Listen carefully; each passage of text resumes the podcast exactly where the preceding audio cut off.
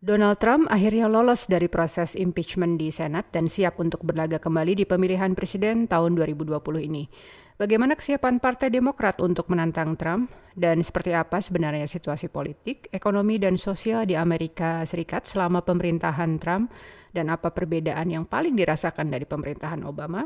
Simak perbincangan saya dengan Camelia Smith, staf dan mahasiswi di University of Cincinnati, Ohio, Amerika Serikat berikut ini. Halo. Halo, selamat pagi dengan Mbak Camelia. Selamat pagi, Lia. Selamat malam ya di Selamat malam sana. ya. Waduh, udah it's been a while ya, Mbak Camelia. Udah lama banget nggak ngobrol-ngobrol. yes, it has been. Oh Oke. Okay. I miss hearing this voice. Me too. Thank you banget sudah meluangkan waktu untuk ngobrol-ngobrol sama saya di channel podcast saya Kacamata Kita ini. Terima kasih untuk mau bergabung dengan saya yang masih jadi apa podcaster rookie ini. My very pleasure. Oke, okay, eh, jam berapa nih di Cincinnati sekarang Mbak Kamel? Sekarang jam 7 pagi. Jam 7 pagi, aduh baru bangun nih kayaknya, lagi ngeteh-ngeteh karena lagi iya. winter yeah. ya. yes, very cold right now and it's still very dark, but yes.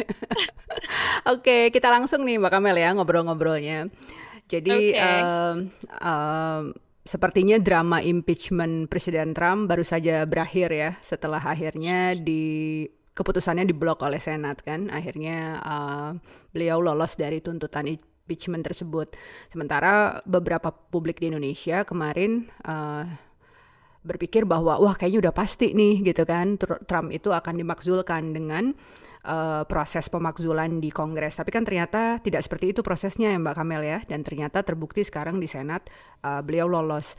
Mbak Kamel boleh nggak sih ceritakan sebetulnya bagaimana sih proses impeachment di Amerika Serikat itu Mbak? Kalau uh, drama sih kayaknya ada terus ya mm -hmm. se selama dia jadi presiden. Nggak cuma di Amerika aja, mm -hmm. tapi di seluruh uh, dunia juga karena mm -hmm. uh, Amerika negara yang lumayan cukup besar mm -hmm. dan cukup bisa menciptakan trend setting. Mm -hmm.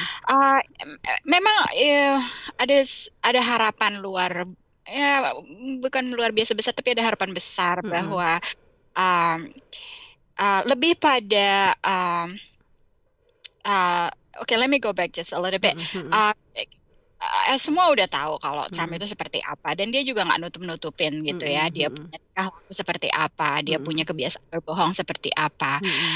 uh, tapi masalahnya uh, kenapa dibiarkan okay. mm-hmm. uh, dan uh, proses im- impeachment ini adalah salah satu cara untuk menunjukkan bahwa uh, wah uh, kamu nggak bisa begitu aja begitu bebas ya. gitu okay. ya. Hmm. He can just get away with everything. Alright. I'm sorry. Hmm. Uh, dia bisa melakukan apa aja, dia bisa hmm. ngomong apa aja.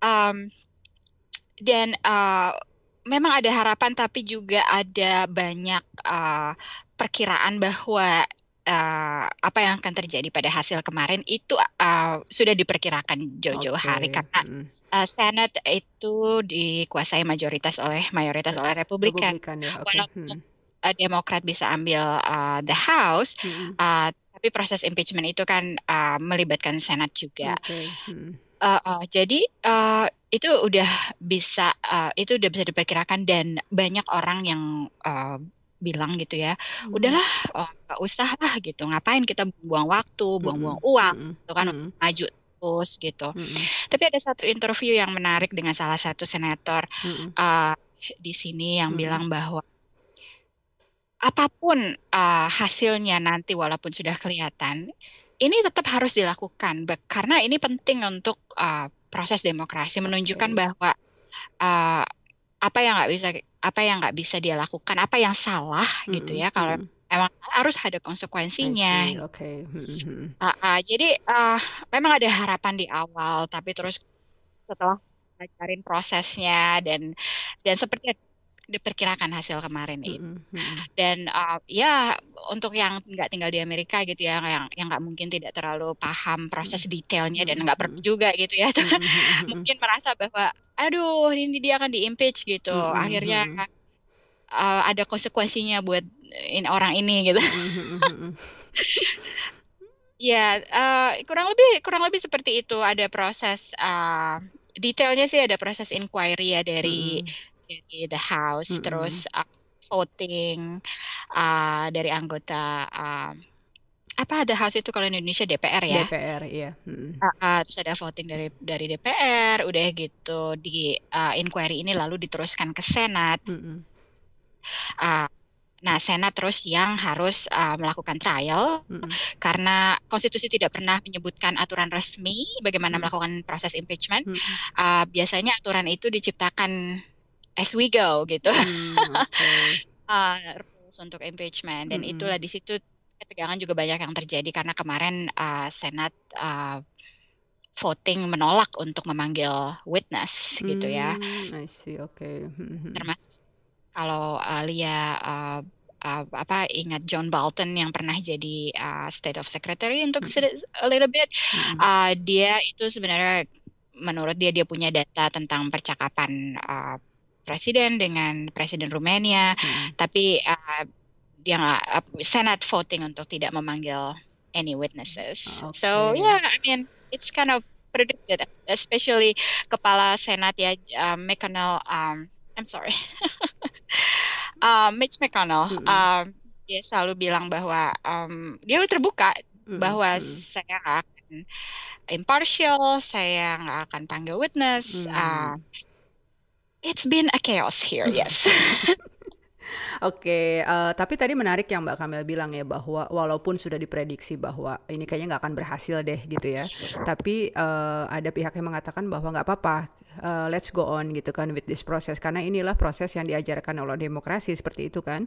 Apabila presiden melakukan kesalahan, memang harus dilakukan proses-proses untuk uh, apa? Mm, ya semacam menegur seperti itu kan, dan sebetulnya bisa berujung pada pemecatan gitu kali ya Mbak Kamel ya, untuk tetap Betul. bisa apa? Mempertahankan nilai-nilai demokrasi demokrasi lah gitu ya di Amerika karena kan banyak dari kita banyak negara yang still look up gitu kan ke Amerika untuk penegakan nilai-nilai demokrasi ini gitu kali ya Mbak Kamel ya. Yeah. Mm -mm. Kalau nggak salah kan ada sebelumnya juga ada presiden lain yang mengalami proses impeachment ini ya Mbak ya? Yeah, so mm -hmm. um, ada Andrew Jack Andrew Jackson mm -hmm. uh, itu tahun 1800-an kalau nggak salah mm -hmm. ya uh, atau awal tahun 1900-an. Mm. I'm sorry, I'm so bad at with history. uh, terus uh, Presiden uh, Bill Clinton mm -hmm. uh, dengan kasus uh, dengan Monica, Monica Lewinsky. Lewinsky. yes, uh, uh, with Nixon uh, itu uh, tidak sampai proses impeachment dia resign sebagai oh, presiden. Oke, okay, ya. Jadi sebetulnya ya, sudah ada presiden sebelumnya, apa sudah ada kejadian ya, sebelumnya ya proses impeachment ya, ini. Mm -mm, tapi oh. terus dia resign. Mm -hmm. uh, lalu ini yang keempat ada kejadian seperti ini mm -hmm. um, dengan uh, dengan bapak ini. bapak yang tidak mau disebut namanya. nah, tahun ini Amerika kan akan kembali mengadakan pemilihan presiden ya. Masih inget banget nih empat tahun yang lalu kan kayak seluruh dunia terpusat perhatiannya ke Amerika dan itu tadi akhirnya diakhiri dengan drama gitu ya kemenangan Trump kan. Nah, uh, kalau yang sempat saya baca nih Mbak Kamel ya, salah sakat ada yang berpendapat bahwa salah satu uh, faktor dari kekalahan Partai Demokrat itu sebetulnya bukan semata-mata pada keunggulan Trump, tapi pada keengganan uh, pendukung Partai Demokrat untuk memilih Hillary Clinton gitu ya. Jadi kemudian mereka menjadi apa abstainer kan, mereka uh, memilih untuk uh, jadi golput gitu kan. Dan akhirnya itu menguntungkan Trump. Mungkin ada analisa lain juga yang bisa menjelaskan mengapa Demokrat kalah. Nah, sekarang kan Demokrat tentunya sudah harus berancang-ancang ya untuk uh, menyiapkan calonnya untuk berkompetisi secara lebih baik di pemilihan tahun 2020 ini.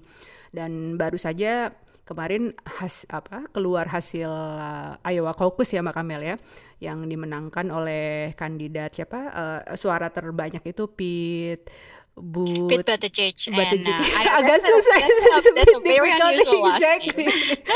nah dan ada and Bernie Sanders they're very close iya yes. oke okay. dan uh, banyak juga yang agak kaget kan dengan hasil itu walaupun memang uh, apa tadi hasilnya tipis dengan Bernie Sanders kalau menurut Mbak Kamila nih gimana ya kira-kira uh, tentang kesiapan Partai Demokrat nih dalam pemilu tahun ini nih jadi tahun 2016 mm -hmm. waktu bapak itu terpilih ya, mm -hmm. uh, kayak oh lama sekali untuk termasuk saya gitu. Mm -hmm. Semua coba memahami mm -hmm. what just happened. Mm -hmm.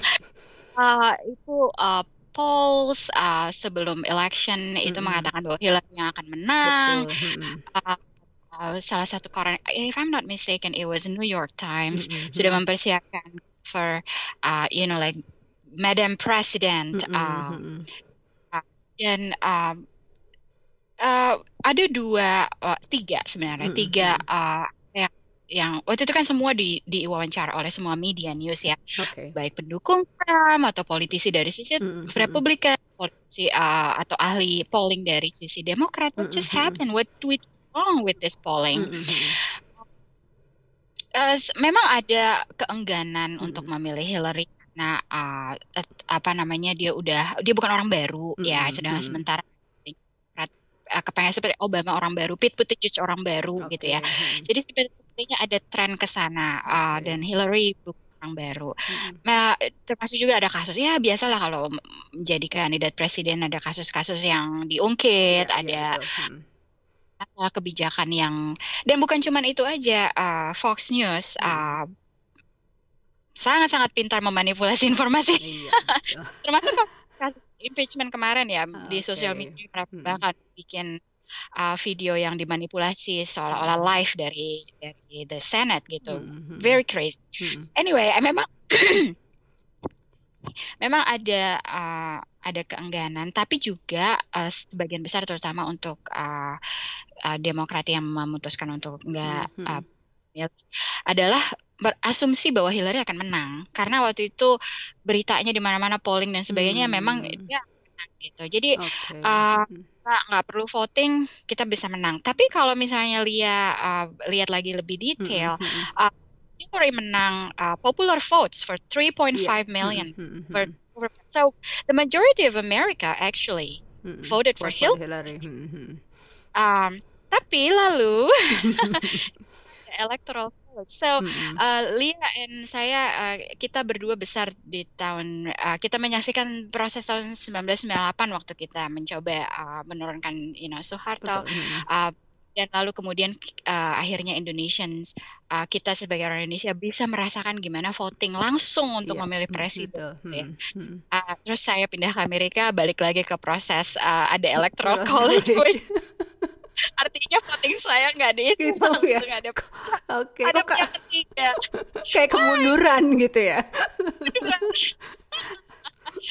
padahal um, ya mas yang yang pernah uh, kerja di proses pemilihan ya monitoring mm -hmm. proses pemilu pasti mereka adalah salah satu resources yang dipertimbangkan kalau mm -hmm. masih dengan proses pemilu dan sebagainya. Mm -hmm.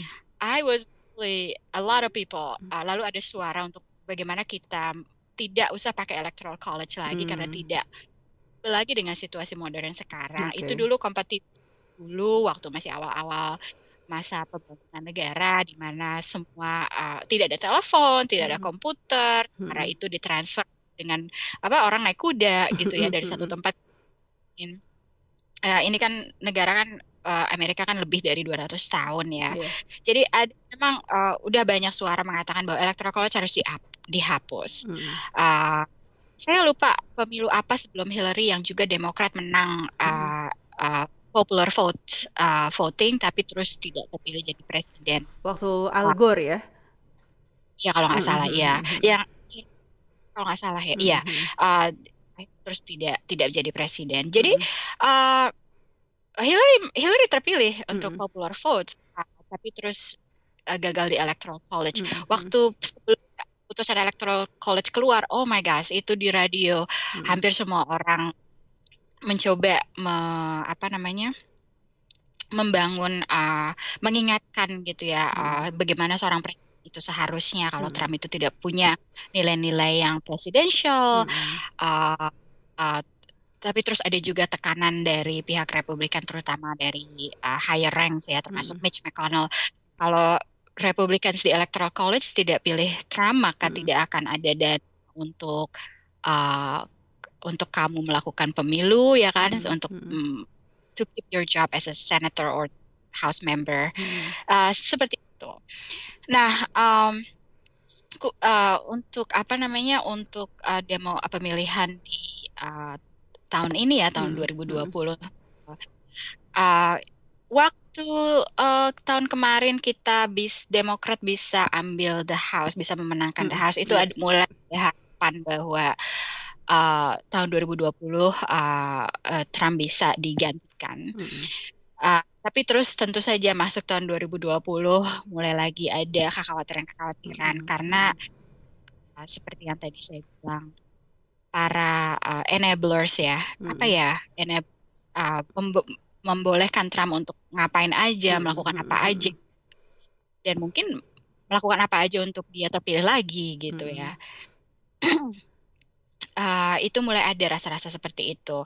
Jadi sekarang uh, Demokrat itu uh, di uh, seluruh negara sekarang fokusnya nomor satu adalah bisa mengalahkan, bisa menggantikan Trump, okay. bisa mengalahkan siapa yang bisa mengalahkan Trump. Dan hmm. in, uh, kalau lihat perhatikan debat-debat Demokrat itu memang uh, setiap kandidat apa seperti mempromosikan gimana saya bisa mengalahkan Trump, hmm. apa yang bisa saya lakukan bisa mengalahkan okay. Trump.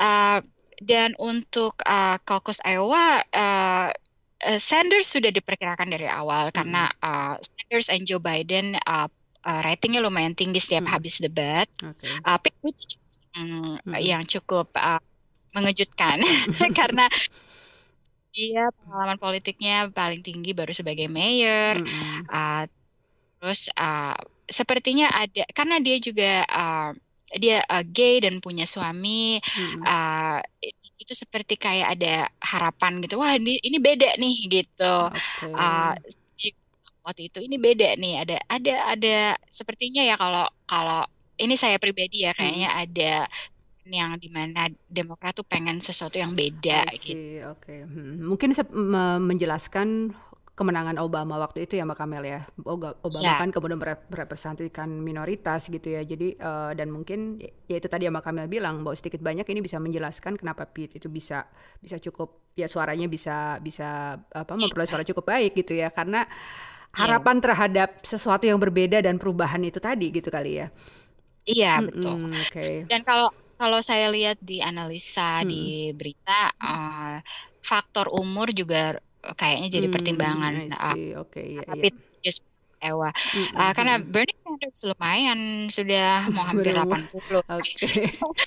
uh, Warren Elizabeth Warner uh, juga favorit. Mm -hmm. uh, uh, banyak orang yang juga berharap uh, dia bisa mengalahkan Trump. Mm -hmm.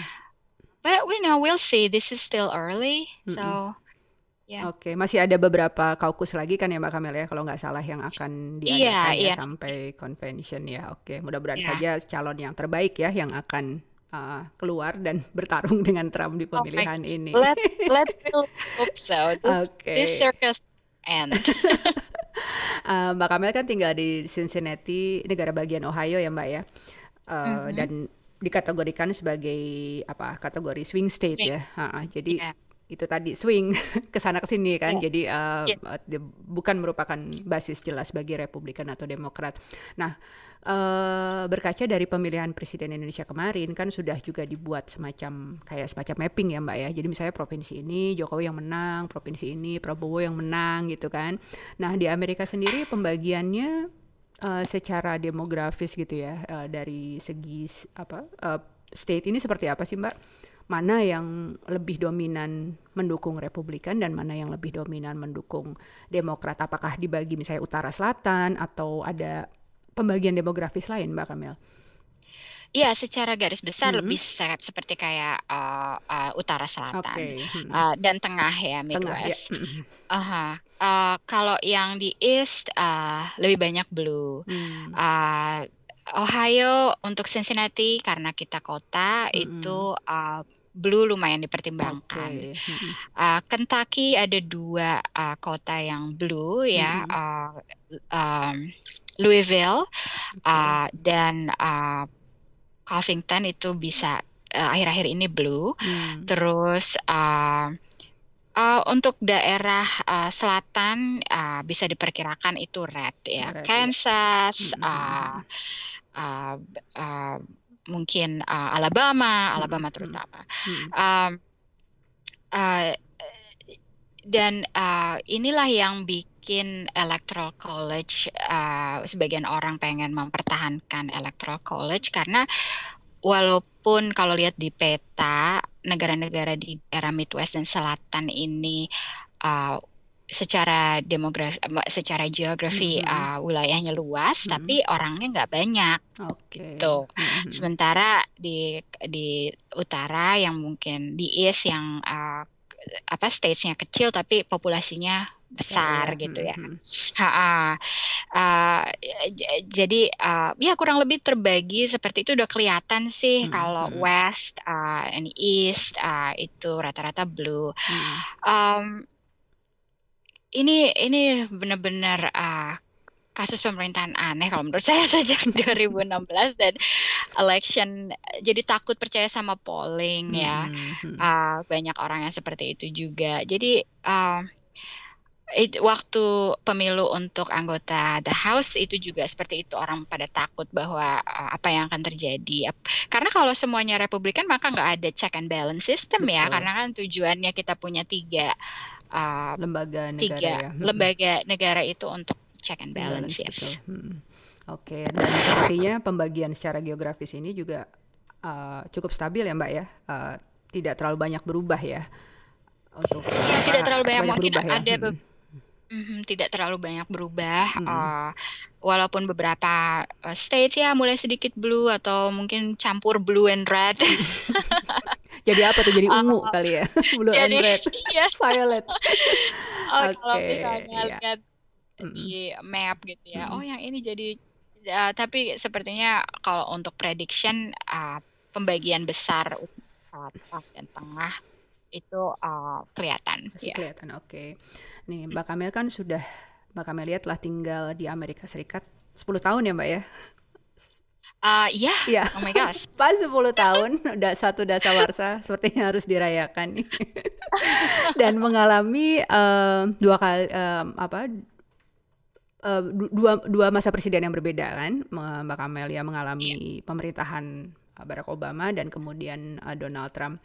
Nah, kira-kira apa sih Mbak yang paling membedakan antara dua masa presiden ini? Kayaknya seluruh dunia bisa juga lihat bedanya. uh, apa uh, pengalaman dari lapangan nih? Oh my gosh, it's crazy. I mean, uh, kayaknya lebih suka dengerin uh, presiden dari negara lain bicara pada dengerin presiden.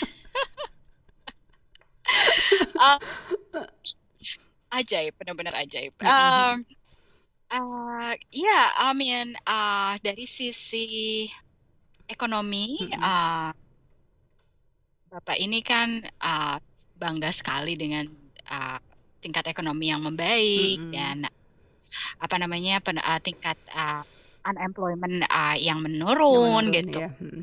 Uh, padahal sebenarnya kalau baca artikel-artikel semua dari ekonomis semua mengatakan bahwa ini buah dari kerja keras Obama hmm.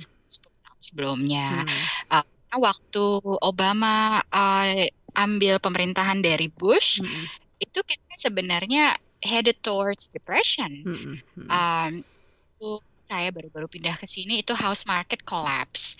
Banyak rumah yang diambil alih oleh bank karena orang nggak bisa bayar. Oh iya uh, betul. Itu setelah uh, betul setelah krisis tahun 2008 2009 iya. ya, Mbak ya. Oke. Okay. Gak lama setelah Obama terpilih dan uh, beliau kerja keras uh, dengan timnya uh, mengangkat you know kembali dari apa istilahnya hampir tenggelam gitu ya. Untuk timbul ke permukaan. Uh, dan ini uh, dan kemudian terus jadi stabil uh, harga bensin yang waktu itu oh my gosh hampir 4 dolar per hmm. gallon jadi hmm. bisa jadi dua dolaran sampai sekarang bisa stable di bawah dua oh, okay. Dan semua experts mengatakan ini adalah buah dari apa yang Obama lakukan di 10 tahun sebelumnya. Hmm. Hmm. Kalau dari sisi uh, policy kepemerintahan ya, uh, jujur aja Trump itu nggak tahu apa-apa tentang bagaimana menjadi seorang presiden. Jadi ada banyak kesalahan seperti yang kasus dengan Presiden Rumania kemarin, hmm. lalu kasus imigrasi hmm. yang uh, dimanfaatkan semua loopholes untuk bikin bans. Hmm. Uh, negara-negara di Afrika uh, berapa minggu lalu sekali jadi sasaran untuk uh, di ban ya. Um, untuk di imigrasi masuk ke Amerika. Hmm. Uh, jadi yang paling mencuat memang uh, di Trump itu kasus imigrasi. Hmm. Uh, di Amerika banyak immigrants terkenal dari zaman dulu, hmm. tapi dari zaman dulu juga banyak pergerakan menolak imigrasi uh, dengan berbagai sebab. Hmm. Uh, uh, kita juga punya sejarah buruk dengan uh, apa Jap Japan uh, uh, concentration camp walaupun walaupun bukan concentration camp seperti uh, uh, apa uh, ya, hmm. tapi waktu itu kalau jadi concentration camp untuk orang-orang dari Jepang. Jadi kita memang punya sejarah buruk di situ dan Trump menjadi presiden ini seperti membangkitkan uh, apa ya ide-ide yang di, hanya beredar di bawah karpet gitu ya akhirnya terus uh, muncul ke, ke permukaan jadi imigrasi memang yang paling paling uh, terasa ya mbak Kamel ya perbedaan antara dua presiden ini mm-hmm. uh, saya sebagai imigran uh, terpengaruh jadinya kalau mm. misalnya harus pergi ke Kentucky yang di pedalaman gitu karena kan Cincinnati berbatasan dengan Kentucky. Iya. Mm. Uh, kadang-kadang uh, merasa uh, lu gimana ya kalau uh, mereka ngomong kasar sama saya hmm. gitu uh, but I'm I'm ready to say you know like I'm I'm prepared. If anything if anyone says something bad to me.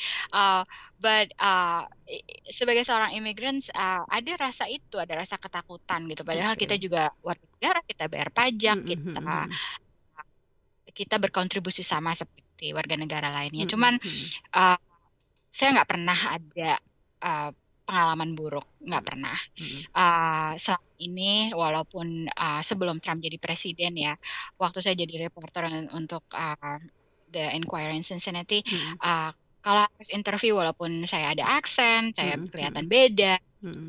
uh, selama ini nggak pernah ada masalah okay. semua orang ramah mm-hmm. baik Uh, hmm. Tapi tentunya ada pengalaman-pengalaman lain yang orang lain alami yang Betul. saya tidak alami hmm. sejak Trump presiden. Oke. Okay.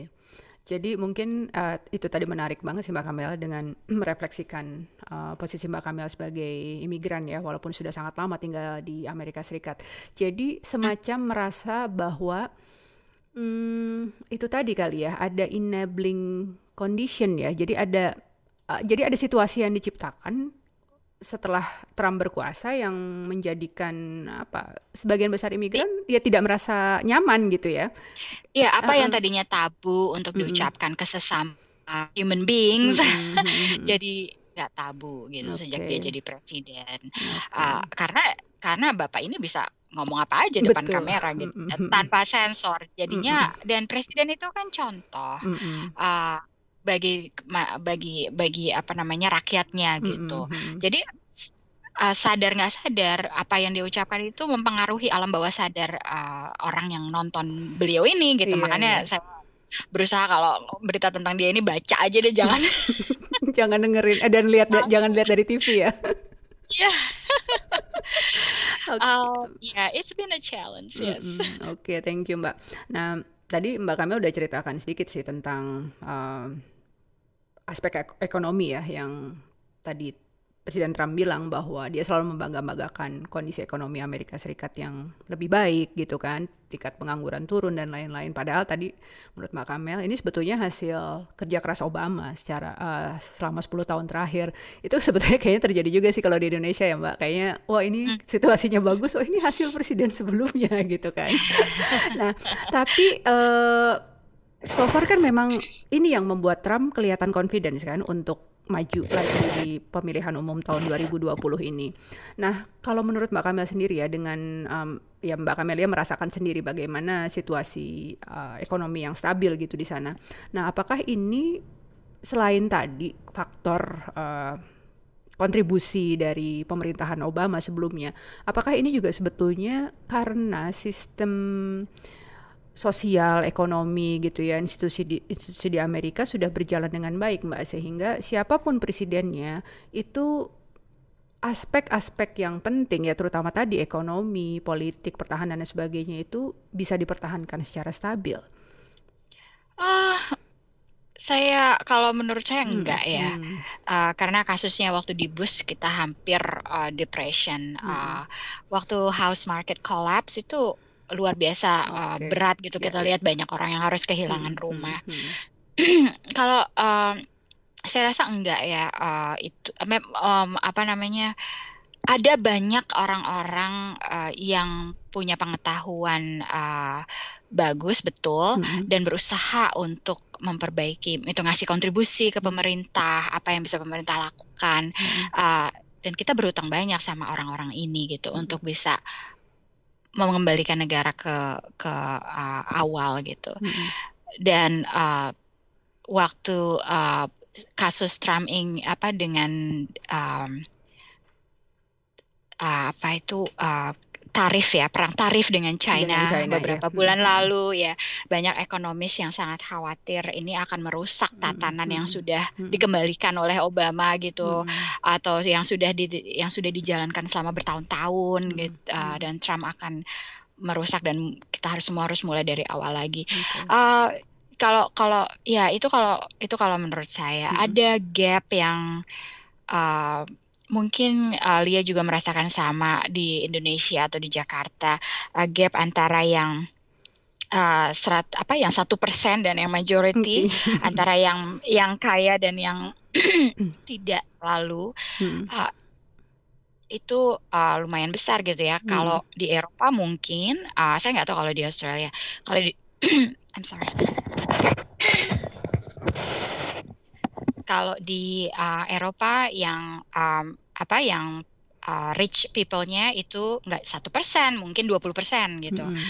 uh, sementara kalau di Amerika itu satu persen dan itu menunjukkan gap yang luar biasa besar dan itu nggak sehat untuk okay. ekonomi. Okay.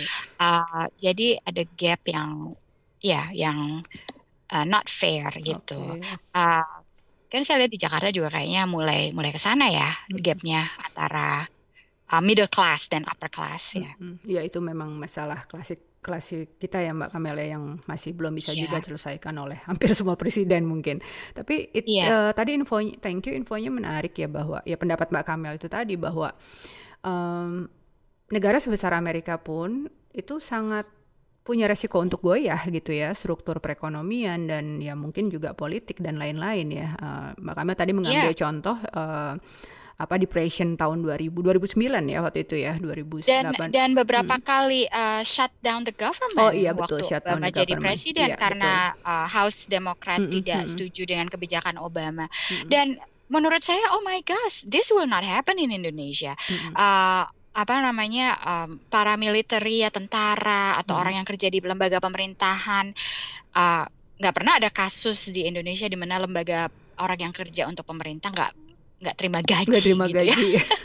digantung iya. ya iya oke okay. nah, sementara di sini bisa bisa seperti itu jadi hmm. uh, uh, sangat polarized terutama akhir-akhir hmm. ini Masih. antara Republikan dan Demokrat tidak terlalu melihat apakah orang ini layak jadi presiden atau enggak tapi selama dia Republikan hmm. uh, kita harus atau selama dia Demokrat gitu ya. Jadi uh, lebihnya lebih untuk Republikan sih kalau menurut saya hmm, untuk hmm. blindsided decisions, hmm. Okay. not blindsided I'm sorry. Hmm. Uh, ambil keputusan ya. Mm -mm, Oke. Okay. Ya. Yeah. itu kayaknya sih terjadi di banyak negara ya Mbak Kamel. Di Indonesia juga sama sih polarisasinya juga sepertinya makin yeah, tajam yeah. gitu ya. Dan kayaknya terjadi sejak Trump jadi presiden ya. Iya, betul. uh, kenapa saya tanya ini? Karena uh, begini, um, uh, apa kepercayaan diri Trump gitu ya bahwa Amerika Serikat ekonominya kuat dan lain-lain itu seolah kan menjadi pembenaran gitu ya Mbak ya bagi supporternya bahwa ya dengan presiden yang sekontroversial ini gitu ya kita baik-baik aja gitu kan. Nah ini yang mungkin perlu juga didengar gitu oleh teman-teman yang lain bahwa ya kondisinya sebenarnya tidak sebaik itu juga gitu kan sehingga apa uh, ya perlu perlu itu tadi mungkin uh, rakyat Amerika atau mungkin di negara-negara lain itu berpikir gitu bahwa uh, pemimpin dengan apa ya dengan karakter populis gitu ya yang kemudian ya tadi Mbak Kamel bilang kadang ngomongnya suka nggak dipikir dan lain-lain itu mm-hmm. perlu evaluasi ya dari rakyatnya gitu walaupun kondisi dan, ekonominya dan juga, dan juga stop being ignorant. Mm -hmm. uh, uh, para voters ini yang mm -hmm. uh, menolak untuk uh, melihat berita yang sebenarnya gitu, mm -hmm. lebih suka baca berita yang sudah direkayasa mm -hmm. oleh Fox News, mm -hmm. uh, dan itu udah bukan rahasia umum lagi di sini. Mm -hmm. Kalau nonton Fox News artinya baca fake news gitu ya. nonton nonton fake news itu udah rah bukan rahasia, itu udah rahasia umum okay, gitu. Iya, iya. Uh, dan sebenarnya tidak seperti di Indonesia ya yang nemu apa cari libraries itu susah. Hmm. Di sini hampir setiap corner ada libraries. Hmm. Kalau kalau mereka mau uh, cari libraries, baca buku atau baca koran, baca majalah yang tersedia di libraries, educate yourself. Hmm. Um, tapi banyak orang yang memilih untuk percaya dengan apa yang mereka udah percayain dan uh, ignorant dengan apa yang terjadi. Uh, uh, ya keengganan untuk mengedukasi diri sendiri, dan ya? jangan satu, percaya dengan satu sumber berita aja okay. gitu.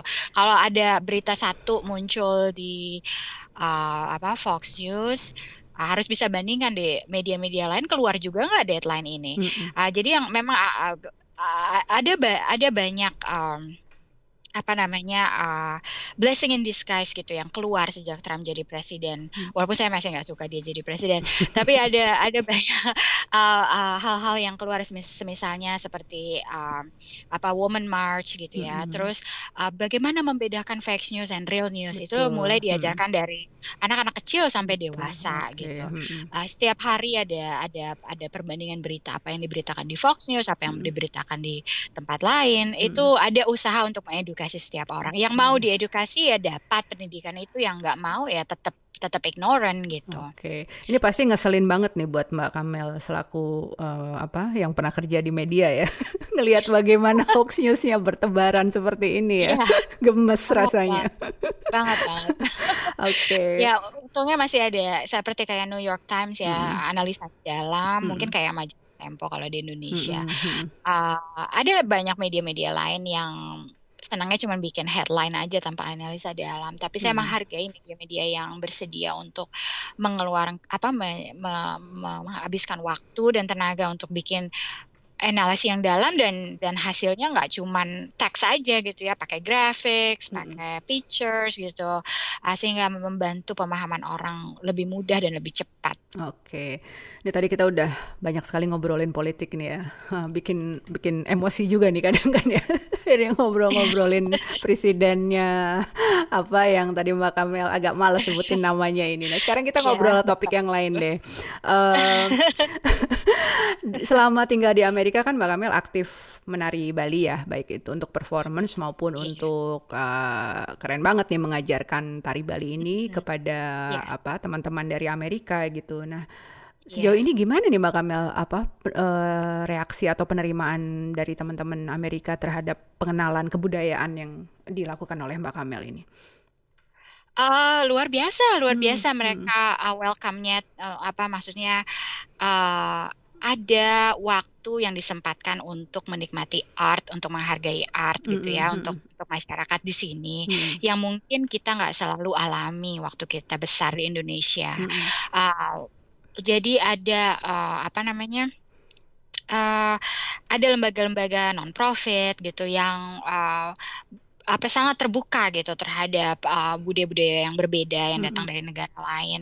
Waktu saya datang ke sini itu kan uh, cuman punya teman dua ya waktu pertama kali pindah.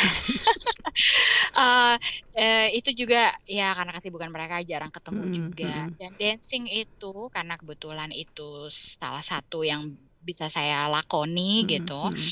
Uh, itu cara paling cepat untuk um, membuat pertemanan baru, hmm, bersosialisasi uh, ya, hmm, bersosialisasi, keluar dan kenal dengan orang-orang uh, lain gitu. Um, ya mendekatkan diri apa mengenalkan diri gitu mengenalkan diri sendiri pada lembaga-lembaga art di sini mm-hmm. gitu. Saya pernah di Bali terus kasih tahu videonya. Mm-hmm. uh, terus mulai ada undangan untuk performance ada undangan untuk mengajar.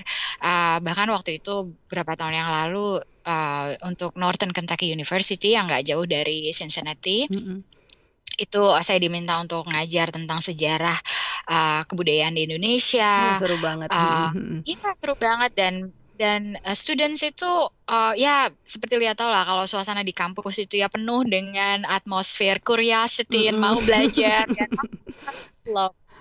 Uh, terus uh, itu sangat sangat uh, ya sangat menarik. Sampai sekarang pun uh, masih banyak undangan untuk uh, ngajar dan perform.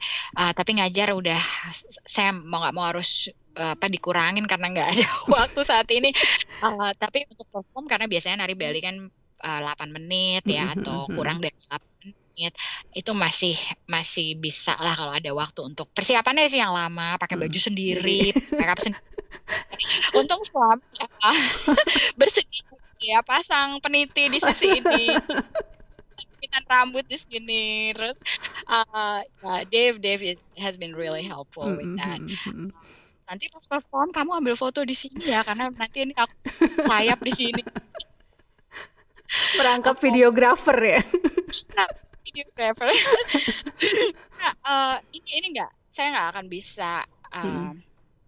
sejauh ini kalau uh, welcome-nya nggak nggak setinggi itu untuk untuk wilayah di sini dan dan uh, di wilayah lainnya gitu hampir semua kalau misalnya lihat berkunjung ke setiap tempat di Amerika hampir mm -hmm. semua tempat di Amerika punya kayak lembaga kesenian gitu ya untuk mengedukasi komunitas dan mengenalkan budaya-budaya baru. Hmm, Oke, okay. senang sekali dengarnya Mbak Kamel ya. Hmm, apalagi uh, dancing is your passion ya. Jadi rasanya oh, mengerjakan sesuatu yang disukai itu kan uh, luar biasa ya. Jadi bisa apa bisa oh, mengenal, bisa mengenalkan budaya Indonesia juga dan ya, juga tetap. Jadi, mm, kalau boleh kasih uh tips gitu ya buat um, apa uh, buat yang baru pindah ke hmm. negara baru tanpa punya teman atau tanpa hmm. tanpa, tanpa kenal banyak orang hmm. gitu ya. Mulai dari eh, hal-hal uh, yang yang kita enjoy lakukan gitu ya. Hmm. Jadi uh, saya suka nari dan saya suka nulis gitu kan. Okay. Hmm. Jadi mulai dari situ aja. Jadi uh, saya suka nulis, saya join uh, writers group di library. Hmm. Dari situ punya teman jadinya hmm. ya kan, hmm. membuka diri uh, uh, volunteer di organisasi-organisasi yang kita suka gitu ya. Akhirnya dari situ bangun teman, bangun pengalaman kerja juga. Uh, dan untuk nari di situ jadi pengalaman luar biasa juga untuk membangun uh, set, setting your feet in the new place, yes. Oke, okay. wah thank you banget tipsnya Mbak Kamela. Jadi mulai dulu dari untuk ini ya, untuk yang baru memulai hidup di negara baru, mulai dari hal-hal yang kita sukai dulu ya. Nah dari situ yeah. uh, uh, kemudian akan terbuka jaringan pertemanan ya dan juga yeah. mungkin pekerjaan. Cari-cari channelnya untuk hal-hal yang kita okay, sukai. Oke, thank you. Oke, okay, terima kasih Mbak Kamela atas waktunya. Ini saya tahu sibuk banget, udah kerja, terus sekarang lagi kuliah lagi dan apa. It's really my pleasure. This is uh, ini senang banget bisa ngobrol sama Mbak Lia. iya. Dan itu tadi uh, soalnya banyak pasti teman-teman di Indonesia ini yang pengen tahu kan kondisi apa di Amerika sekarang gitu dan rata-rata kan mereka tentunya dapatnya kan dari berita dari internet, dari TV gitu kan, dari ya mungkin dari koran dan lain-lain. Nah, apabila ini kemudian dengar langsung dari yang sudah lama tinggal di Amerika dengan segala perspektifnya, itu ya saya yakin mereka pasti ngerasa lebih apa ya, merasa lebih dapat sesuatu yang berbeda gitu dari pandangan mereka yeah. tentang apa yang sedang terjadi di ya. Amerika yeah. Serikat saat ini gitu dan ya sedikit banyak mungkin bisa direfleksikan lah dengan kondisi politik di Indonesia juga saat ini gitu ya Mbak Kamel ya. Yeah. Oke, okay, so thanks again, thank you so much, sukses oh, thank untuk you thank you untuk uh, waktunya, sukses untuk nari Sama Balinya, untuk ngajar nari Balinya juga buat sekolahnya semoga lancar ya. Please say hi to your uh, husband ya, yes. say hi to Dave. Thank oh, you so much. Thank you very ya. much. Selamat pagi. My, my Good morning too. Thank you. Bye. Negara sebesar Amerika Serikat ternyata masih memiliki kerentanan ekonomi seperti pada kasus resesi tahun 2008 atau government shutdown. Ada juga perasaan kurang nyaman di kalangan para imigran akibat pernyataan-pernyataan Trump seputar imigran dan migrasi. Kita akan lihat bagaimana kompetisi di pemilihan presiden 2020, apakah Trump akan mampu terpilih lagi sebagai presiden atau diambil alih kembali oleh Partai Demokrat. Demikian tadi bincang-bincang saya dengan Camelia Smith dan nantikan episode menarik lainnya di channel podcast Kacamata Kita bersama saya Amalia Sustikarini.